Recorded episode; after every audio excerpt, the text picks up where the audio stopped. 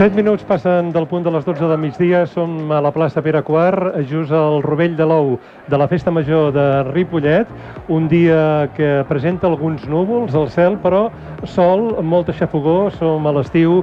I avui Cor Blau, el programa del Club Bàsquet Ripollet, surt al carrer eh, i la intenció és passar la següent hora fins a la una de la tarda parlant de bàsquet, que és el que ens agrada. Som a la sintonia del 91.3, sintonia de Ripollet Ràdio, que per cert felicitem des del Club Bàsquet Ripollet perquè aquest any celebra 25 anys, que no són pocs, un quart de segle, molts anys. Nosaltres us acompanyarem i tenim diversos convidats que eh, la intenció és parlar amb ells de com es presenta aquest nou curs. Si us sembla, els presentem, però abans pugem una mica la nostra sintonia.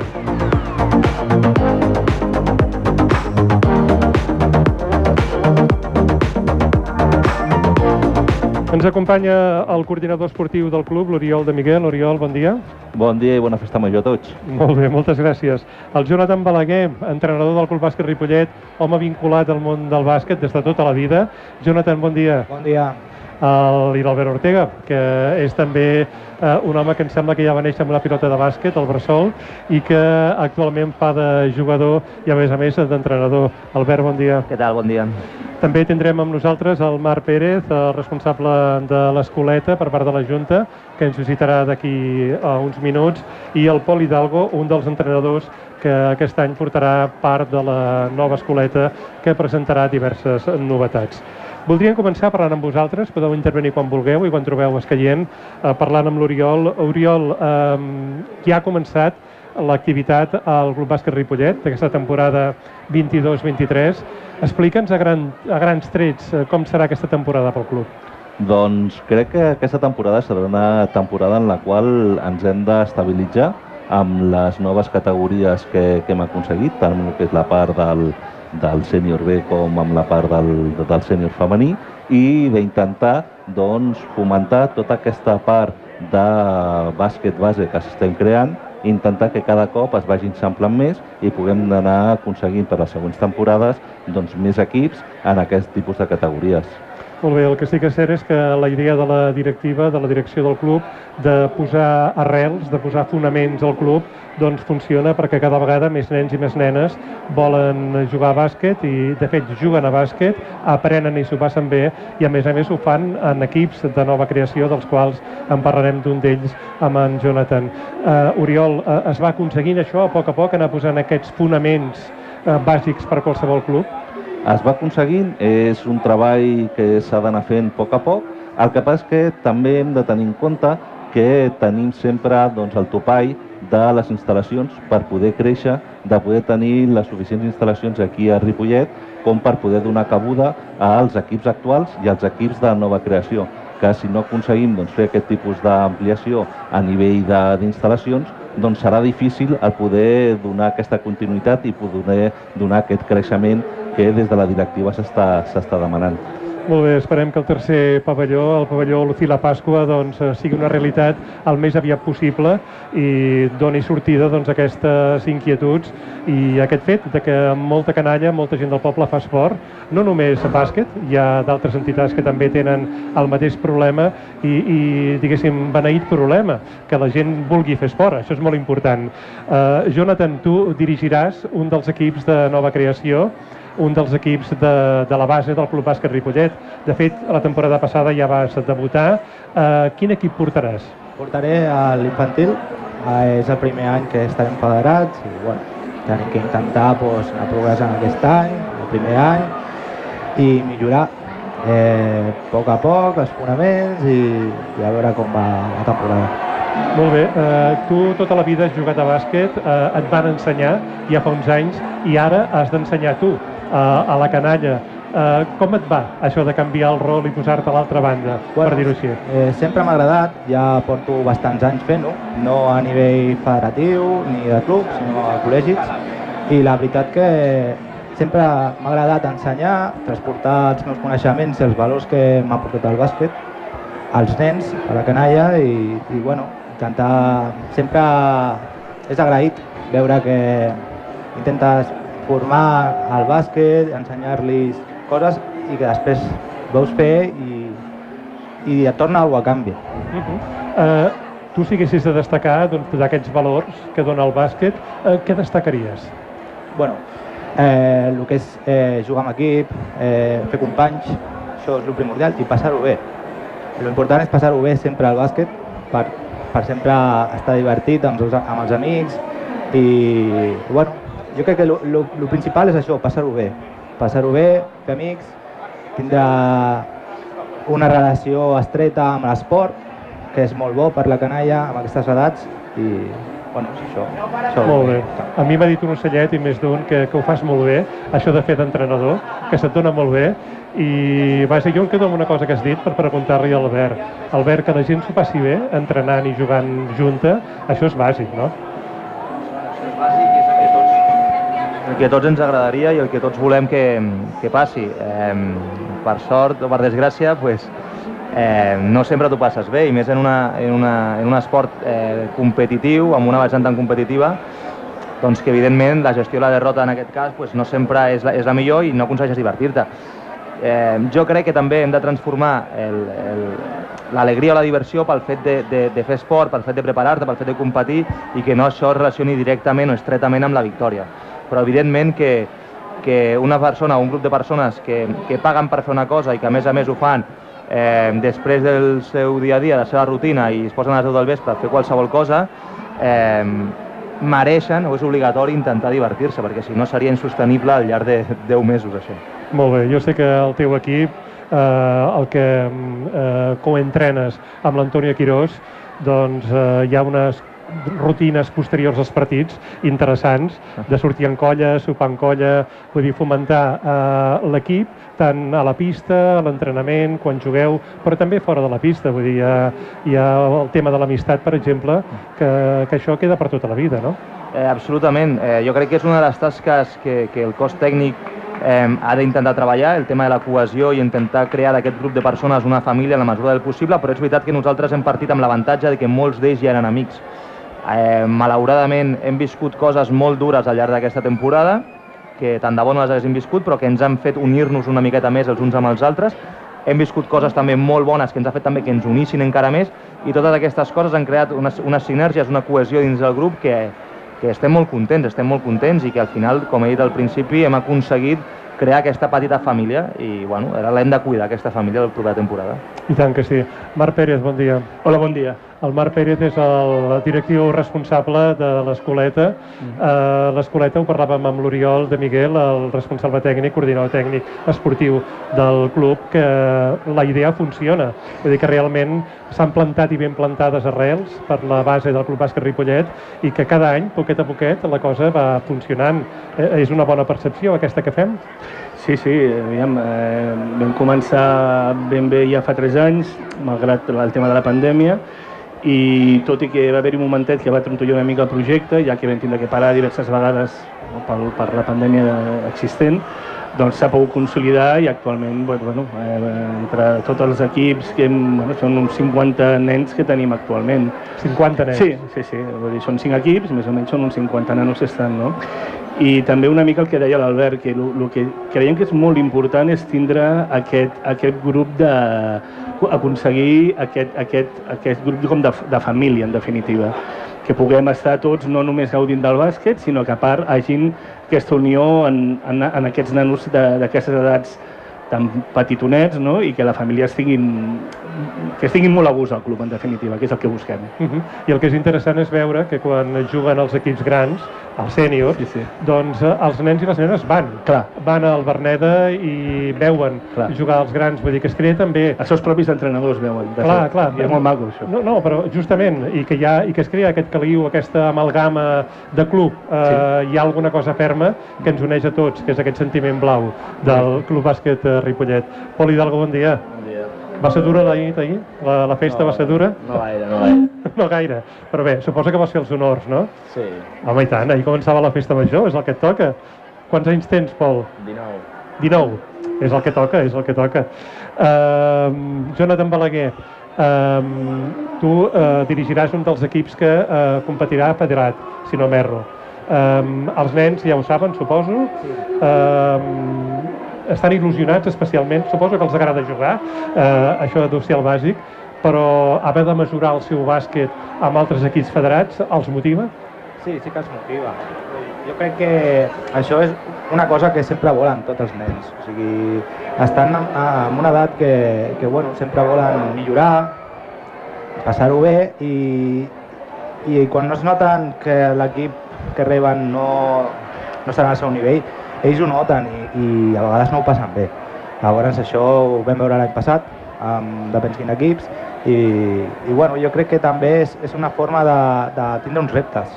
Eh, llavors aquest any serà això, un repte cada partit, cada setmana, sobretot jo crec que no, no només el partit, sinó és l'entrenament el repte que tenim. Cada dia d'entrenament, entrenar, fer-ho bé i, i que ells també vegin que, que, que es complica la cosa, que això és l'important. Molt bé. Uh, Pol, tu, tu ets jugador, a més a més entrenes. Uh, aquesta dinàmica dels entrenaments uh, costa d'agafar-la? Potser hi ha nens que tens tu ara mateix al teu equip que no han jugat mai a bàsquet. Uh, eh, costa molt que agafin aquesta rutina, que cal treballar per aconseguir potser cada dia una miqueta però anar avançant? Bueno, costa una mica ja que com són molt petits es distreuen i per tant has de fer una mica que estiguin concentrats però que a la vegada s'ho passin bé perquè si no al final es, es fa avorrit i no, no, no aconseguirem que segueixin a l'esport que volem. Uh -huh. uh, I tu, uh, l'equip que portes és l'equip que jugarà amb categoria local o escolar d'aquí del poble? Sí. Uh, no, no estarà encara federat eh, els nens estan il·lusionats per, a, per a debutar en aquesta categoria o ja heu fet, o ja vau fer la temporada passada eh, la participació en alguna trobada o en alguna activitat així de, de bàsquet? Sí, jo, el que passa que aquest any jo canvio, agafo un equip més gran, agafo un infantil i clar, l'any passat sí que vam fet unes quantes trobades amb els, amb els més petits del, del club. Uh -huh. uh, Albert Ortega, um, a tu i a l'Antonio us toca un repte important. L'any passat eh, vau aconseguir pujar de categoria, eh, un gran èxit esportiu per vosaltres, evidentment, i pel club. Eh, com serà aquesta competició que ve? Perquè ja sabem els equips, hi ha molts equips de la comarca. Eh, suposo que el grau d'exigència, conforme anem pujant de categoria, augmenta. Sí, evidentment, per nosaltres per nosaltres tot plegat és, és un aprenentatge i al final és una cosa molt, molt típica que es diu, però que a mesura que et vas fent gran eh, i vas madurant, te n'adones que tot realment és un aprenentatge i per l'Antonio i per mi també eh, ho ha sigut i ho seguirà sent. Ens enfrontem a una categoria que com a mínim els entrenadors, per exemple, no hem tocat i menys com a entrenadors. Per tant, anem a veure també eh, què ens ofereix i quins són els reptes. Evidentment eh, serà més complicat doncs, doncs, doncs perquè per la naturalesa de la categoria ja, ja, ja ens ho suposa. Però bueno, hem aconseguit també eh, crear aquest sentiment de pertenença eh, dintre del dintre d'aquest propi eh, equip, tant amb ells mateixos com amb, amb l'entitat, amb el club, eh, i a més a més eh, estan molt, molt, molt il·lusionats. Eh, hem creat, hem, hagut, hem pogut confeccionar un equip eh, seguint també amb aquest alt percentatge, per no dir pràcticament la totalitat, de gent del municipi, i que ara, ara, ara sí que és veritat que, que l'Antonio i jo ens sentim eh, que hem pogut fer l'equip que creiem que el club mereix en quant a sènior B. És a dir, crec que hem, hem agafat un perfil de jugadors que eh, poden ser o són la llavor del futur del club. No? Igual que l'any passat potser vam tenir un perfil de jugadors una miqueta més, més grans que per diferents circumstàncies van formar part de l'equip i que ens van ajudar moltíssim, ara sí que hem pogut afegir unes peces que creiem que eh, mica en mica estem conreant allò que el dia de demà volem que siguin eh, el primer equip del club. I bueno, dins d'això, doncs, doncs, doncs ja et dic, jo estic amb la màxima, màxima, màxima il·lusió. Eh, aquest estiu hem estat parlant l'Antonio constantment i preparant coses i amb moltes ganes de ser de, de començar dilluns i de, i de començar a entrenar, i de començar a entrenar, i de començar a preparar-nos i de, i de, i de també autoexigir-nos per veure, i això ho parlàvem amb, amb els jugadors, no? que crec que pel perfil i la qualitat que tenim, crec que arribarem tan lluny com vulguem. I això no s'ha de demostrar de boca, sinó s'ha de demostrar en fets. Crec que tenim un equip per competir a la categoria, i, i però veurem, veurem on ens posem nosaltres pel nostre treball i on ens posen els altres eh, a partir de les dificultats que, que ens presenten. Uh -huh. uh, Oriol de Miguel, uh, els diversos equips de l'entitat estan connectats entre ells. Per exemple, eh, segurament el de l'equip eh, del sènior B, que és el sènior que dirigeix o codirigeix l'Albert, hi ha jugadors que pugen per jugar amb el sènior A i vaja, suposo que les categories inferiors hi ha com una mena d'escala. Eh, és important que hi hagi coordinació entre entrenadors no? i que a més a més els jugadors tinguin clar, i jugadores, perquè també passa amb el femení, malauradament encara no tenim tants eh, equips femenins com masculins, però que sàpiguen que poden o potser han de reforçar eh, l'equip superior. Una mica la idea que s'està generant és aquesta, és que hi hagi jugadors que en lloc de fer no, doncs les tres sessions que normalment fem a la setmana en puguin fer quatre i puguin estar dos amb el seu propi equip i dos amb l'equip superior, perquè així també entrin tant en una dinàmica com, com amb l'altra i que puguin participar i també tenir cada cop doncs, les seves oportunitats en les categories superiors i això és el que també, tal com comentava l'Al- l'Albert, s'està també fent amb el que és el primer equip amb el Copa. També el que s'ha demanat per la part de la Junta és que cada cop el que són els jugadors del sènior B vagin també participant més en el que és eh, l'equip de, de Copa, per això que ja aniran eh, convocats en tots els partits equip eh, jugadors del, del sènior B i també s'entra, ja s'ha parlat amb, amb, el, amb el Raül i amb l'Albert, tot, allà amb l'Antonio, tot el que és la doble dinàmica d'aquests jugadors, s'han fet uns calendaris perquè també els jugadors doncs, sàpiguen doncs, quines són eh, els seus horaris i les seves sessions d'entrenament i això també s'ha començat a fer des de Copa amb Sènior B i després s'ha anat traspassant a Sots 25 i a tots els equips de forma gradual perquè tothom vegi que té aquesta doble participació. Uh -huh.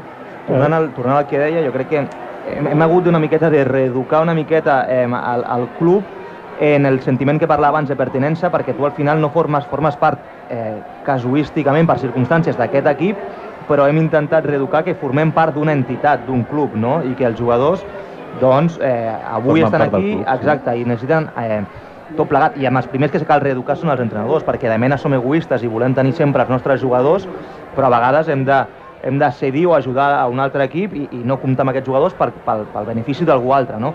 I aquest és un tema que sí que, que ens estem intentant centrar i, i respectar-nos tots i respectar l'entitat, creient sempre pensant en el, en el bé comú i no particular. Uh -huh. uh, Pol Hidalgo, tu a banda d'entrenador uh, jugues.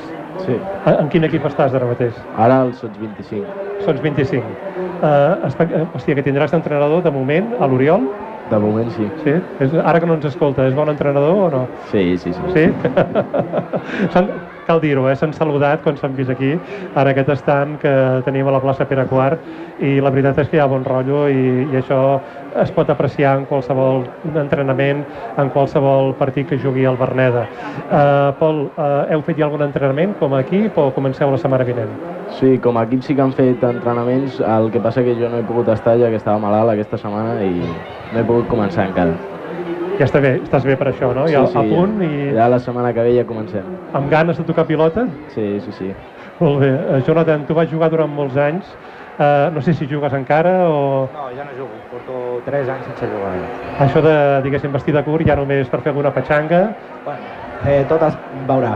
és veure. Jo- oh, mm, a l'equip de l'Albert i l'Antonio eh, de tant en tant ens donen sorpreses i velles glòries del club tornen a jugar, vull dir que eh, s'incorporen altra vegada.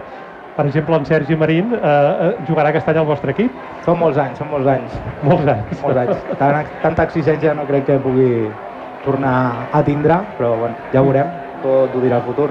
Tu que has viscut durant molts anys al Club Bàsquet Ripollet, eh, com vius aquest ambient que hi ha al club? O sigui, una cosa és el joc, una cosa és l'esport, però com vius eh, aquest fet de, de la, de, el dia de partit, eh, les grades plenes, el suport del públic, com ho viuen els jugadors, com ho viu la gent? Bueno, jo, jo puc dir que fa, quan era petit, més petit, tindria uns 12 anys, jo visc al costat del, del pavelló i he tornat a veure aquell ambient que hi havia abans. Eh, suposo que el primer equip de Copa ha tornat a fer que hi hagi aquest ambient, ja des de fa un parell d'anys, i és agradable, és agradable veure el pavelló ple, escoltar molt soroll des de casa, l'escoltes i, i, i t'anima a anar a veure'ls i jo crec que ho estan fent molt bé. Jo crec que estem tornant també una mica a la dinàmica aquella que hi havia d'il·lusió al poble pel, pel bàsquet, que és el que jo vaig viure i, i crea il·lusió veure que els nens també la tinguin, aquesta il·lusió que vaig tindre jo, Molt que es va perdre en aquests anys passats. Esperem que el soroll que es fa al Berneda no et desperti el fill, perquè viu, viu molt a prop. Sí, sí, ha passat, ha passat. Ha passat? Bueno, Ostres. Però, bueno, però a ell li agrada i, i bueno, el vaig amb ell i, i li agrada bastant veure els partits. Molt bé, eh, dir-vos, ara farem una pausa, dir-vos que aquesta nit, per cert, el Club Bàsquet Ripollet porta les barres del concert del Macaco, eh, que es farà al Parc del Brollador. Vull dir que si voleu ajudar el bàsquet de Ripollet i a més a més eh, a assedecar la set que tingueu, doncs eh, tothom convidadíssim a que vagi al Parc del Brollador i vaja, el Club Bàsquet Ripollet us atendrà amb la gent voluntària que hi estarà treballant i a més a més ajudareu al bàsquet. Posem una mica de música, fem una pausa i després seguim.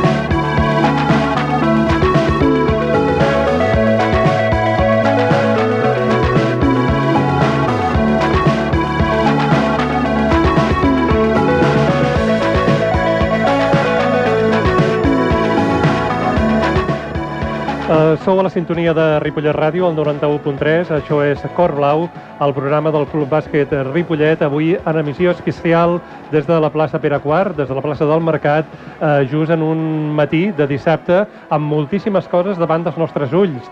Tenim la baixada de carretons, moltíssima gent, tenim, uh, hem tingut el final del Correaigües, la gent de la biblioteca amb la biblioteca infantil, també moltíssima gent. Vull dir que realment avui és un dia d'aquells que faig patxoca, que fa festa major, que és el que estem vivint avui, aquests dies a Ripollet. Bona festa major a tothom que ens escolti, evidentment, i si sou de fora, doncs veniu ràpidament cap a Ripollet perquè segur que us ho passareu molt i molt, molt i molt bé.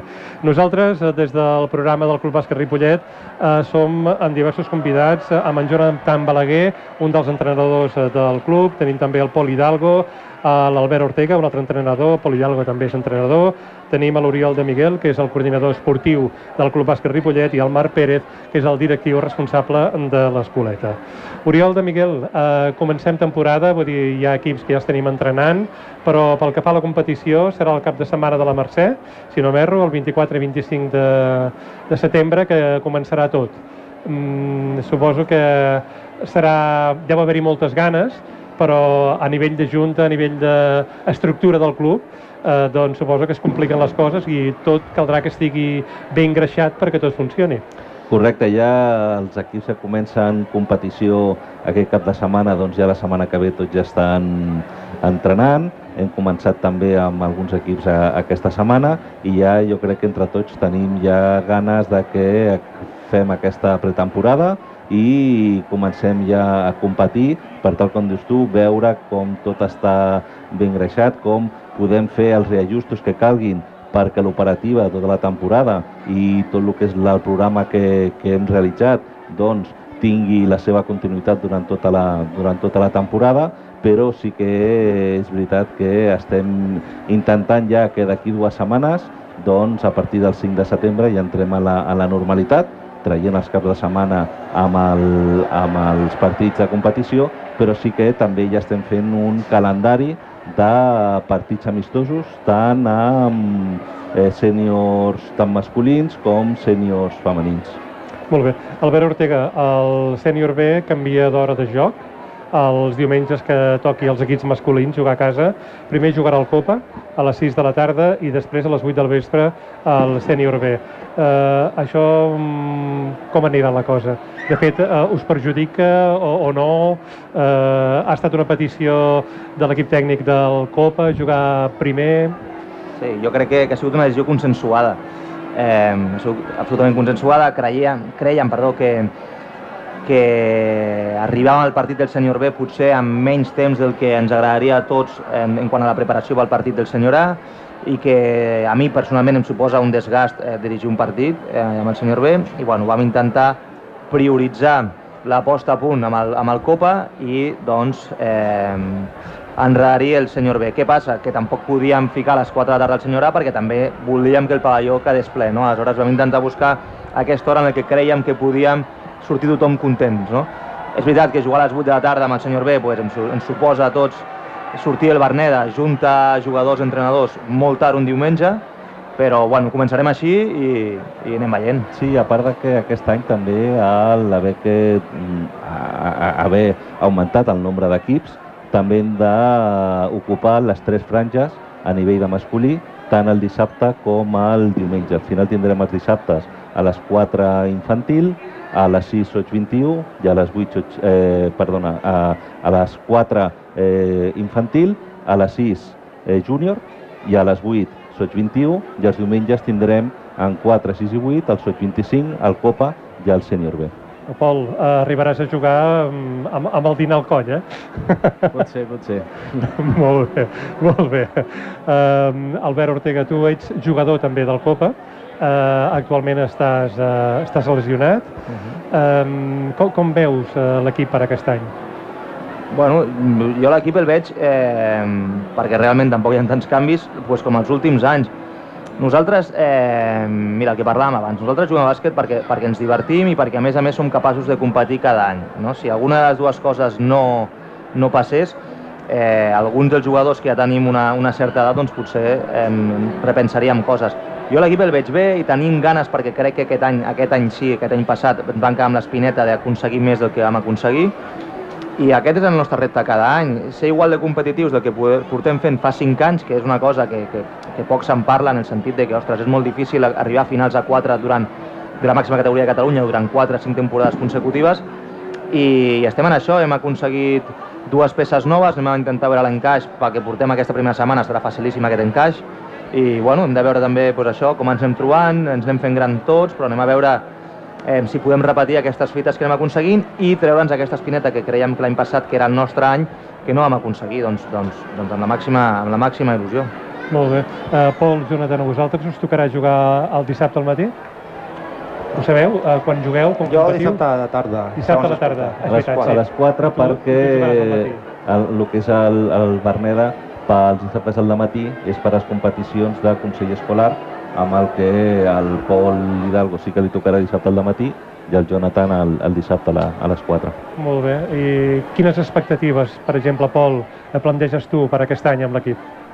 Bueno, mm, que s'ho passin bé i intentar competir el, el que es pugui, principalment. Encara no saps en qui hauràs de jugar o...?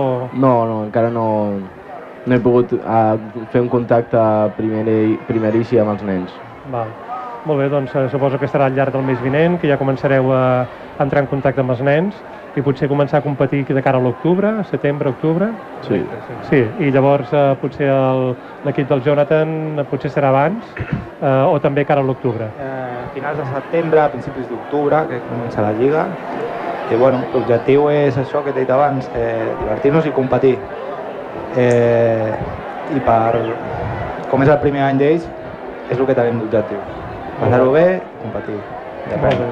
Uh, Marc Pérez, uh, per aquest any, uh, 50 nens a l'escoleta. Uh, L'objectiu, suposo, és, uh, evidentment, consolidar el que anem fent, Mhm. però l'es- l'escoleta seguirà creixent?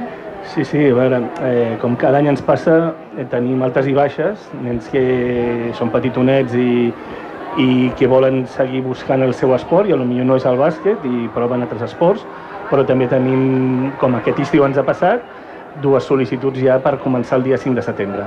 Eh? Llavors, la nostra proposta sempre és la mateixa, que primer vinguin a provar, que els agradi el projecte nostre, que els agradi l'ambient, que li agradi tot com funciona i a partir d'aquí doncs, que comencin a treballar amb nosaltres i a passar-s'ho bé. Uh -huh. Però primer, primer sempre demanem això, que vinguin uns dies de prova i que ve- vegin quin és el nostre projecte i a partir d'aquí doncs, tirar-ho endavant o no. Si ara ens escolta alguna persona que li interessa contactar perquè el seu fill o la seva filla doncs, comencin a l'escoleta, Sí. eh, com ho ha de fer? Bueno, nosaltres eh, tenim les vies de, del, de l'email, del club, també de l'Instagram i em sembla que també del Twitter i qualsevol missatge que rebem me'l reenvien a mi i jo em poso en contacte el mateix dia amb els pares i ja està. Mhm. eh, llavors ja els expliquem una mica com funcionem. Molt bé. Uh, Oriol de Miguel, de cara a aquesta nova temporada que mm, ja, te, ja hem començat, però comencem a competir a partir de la Mercè, el cap de setmana de la Mercè, uh, noves normatives, noves regles, uh, o el bàsquet seguirà sent com el coneixíem fins ara o hi haurà noves coses? seguirà sent com el coneixíem fins ara. Hi ha alguna, hi ha alguna novetat, el que passa és de nivell de, per exemple, doncs, dimensions de terreny de joc, alguna modificació, però en definitiva doncs, que, per exemple, també es podrà agafar i es podrà aturar si algun jugador es fa mal, encara que hi hagi un contraatac, que fins ara no es podia, però són petits detalls que hi ha en el reglament. Uh -huh. I de cara al contacte amb la federació, vull dir, la, el Club Bàsquet Ripollet depèn de la Federació Catalana de Bàsquet, eh, hi ha bona sintonia, mm, bona entesa, eh, sé, per exemple, que aquest estiu hi ha hagut eh, entrenadors de la casa que s'han estat formant eh, per a rebre doncs, l'oportunitat de tenir el títol d'entrenadors, Um, hi ha bona sintonia perquè això passi, perquè uh, gent del Ripollet, uh, nois i noies, puguin ser entrenadors? Uh, nosaltres el que estem fent és intentant de que tot el que és la part de formació, intentar fomentar-la dins, del, dins del club, a través també d'ajudes que es sol·licitaran a, a l'Ajuntament, que a partir del setembre doncs, s'obrirà també el poder sol·licitar aquestes, aquestes ajudes i col·laborar amb, el, amb el, que són els entrenadors per fer aquesta, aquesta gestió. I la federació el que està fent és que tot el que són cursos eh, federatius a partir del nivell de nivell 1 els està fent també online que també facilita el poder accedir a, difer, a, en el que seria en temps lliure que tu tinguis a poder doncs, fer aquests, aquesta tipologia de cursos. El que passa és que els cursos doncs, econòmicament suposen una despesa important per qualsevol, eh, per qualsevol entrenador que vulgui, que, que vulgui fer-los. Molt bé, uh, recordar-vos, amics i amigues, oïdors, oïdores, que aquesta nit el Club Bàsquet Ripollet uh, és l'encarregat de les barres del concert de Macaco. Uh, serà al Parc del Brollador, obertura de portes crec que, que és a quarts d'onze de la nit.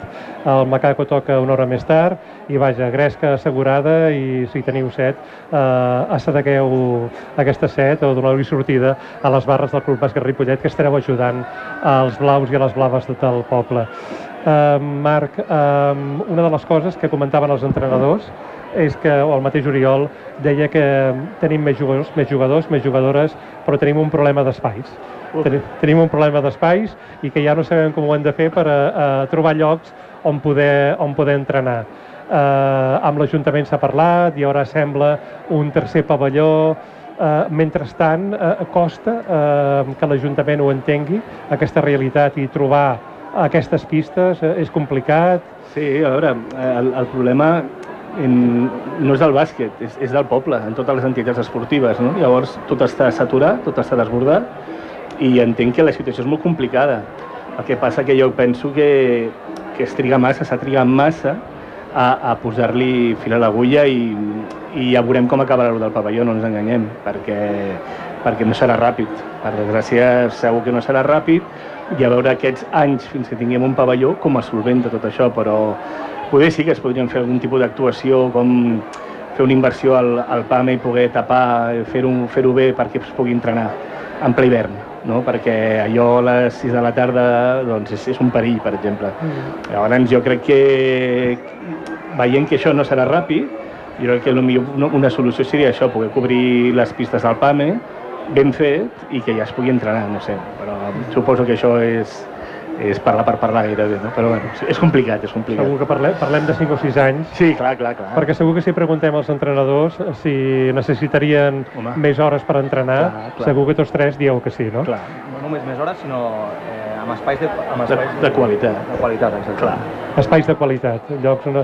Clar, una cosa és entrenar a una pista d'una escola i altra entrenar al parquet on jugaràs, no? Exactament, i, i crec que al final és l'oferta que tu li has de donar, ja no és només la qualitat, sinó l'oferta que tu dones. Si les, les, els nens i les nenes paguen unes quotes un preu considerable, com es paga a qualsevol altre lloc, i tu li ofereixes entrenar en unes determinades condicions que no són òptimes, doncs, evidentment no és atractiu. Clar. I ja està. I si volem que aquesta gent estimin aquest esport, li hem de donar unes bones condicions perquè estimin aquest esport també. Uh -huh. Molt bé, eh, som a la recta final del programa i a mi m'agradaria fer una mica de safreig eh, si em permeteu. Eh, mirant el calendari dels equips sèniors, doncs eh, ja pots veure quins equips, eh, en quins equips ens enfrontarem. De moment, per sota ja no, no es pot veure encara. Eh, hi haurà triple derbi eh, local amb el Cerdanyola.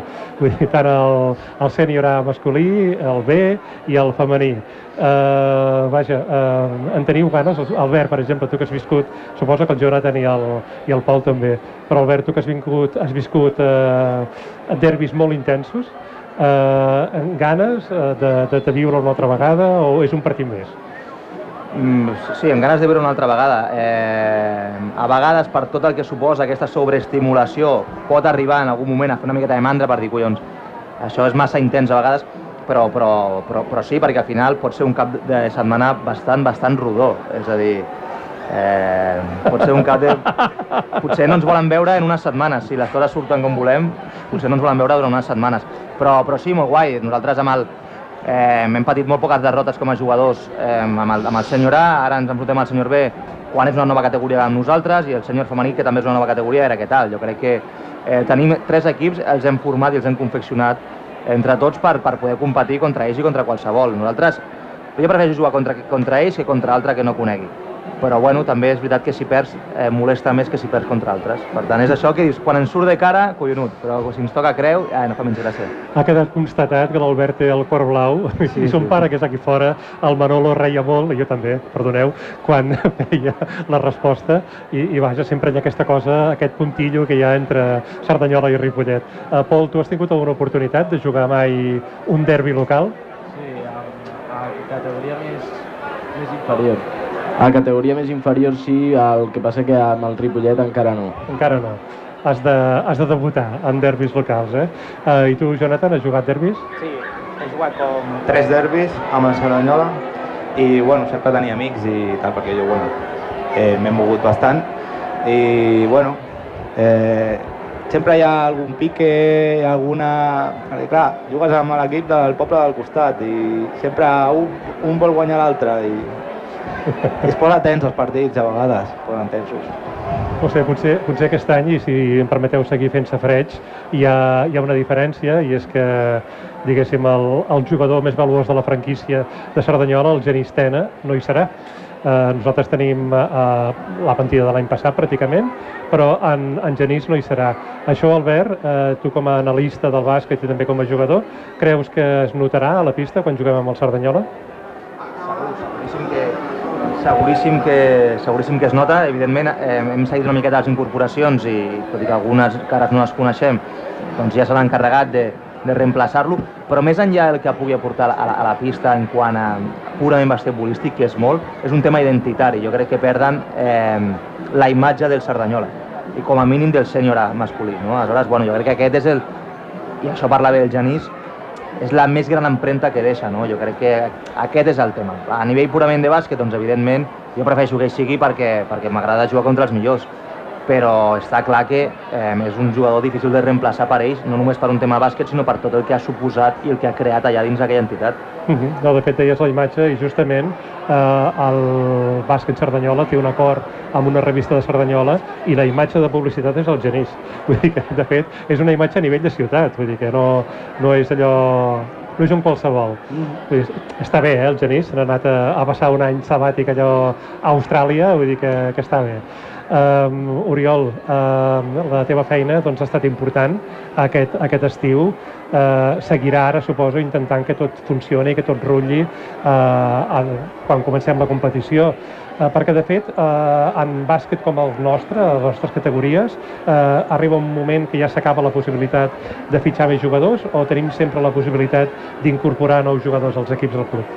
Hi ha la possibilitat d'incorporar nous jugadors. De fet, la, la setmana vinent i, i normalment durant tot el que és el període de pretemporada, inclús les primeres setmanes, doncs encara tenim jugadors i jugadores que venen a, a, a provar en, en diferents categories i fins que no arriba a més finals de, de maig tens la possibilitat d'incorporar nous, nous jugadors o, o jugadores a partir ja de maig perquè no facis incorporacions a segones fases d'equips que han estat doncs, eliminats per aquelles fases i tal, és quan s'atura el poder incorporar nous jugadors o jugadores. Uh -huh. Però durant el que és la primera fase no hi ha, no, no hi ha problema.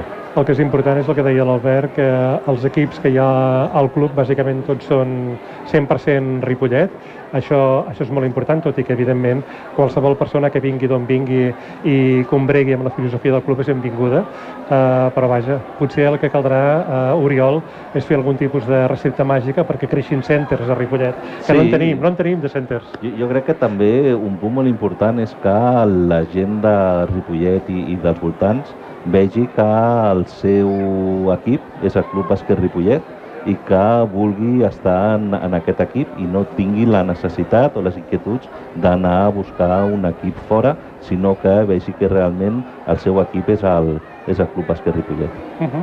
uh, Pol, tu començaràs uh, la temporada, doncs, com dèiem, amb el Sons 25. Uh, és una categoria que no sé si ara recentment és nova, el, el bàsquet Ripollet.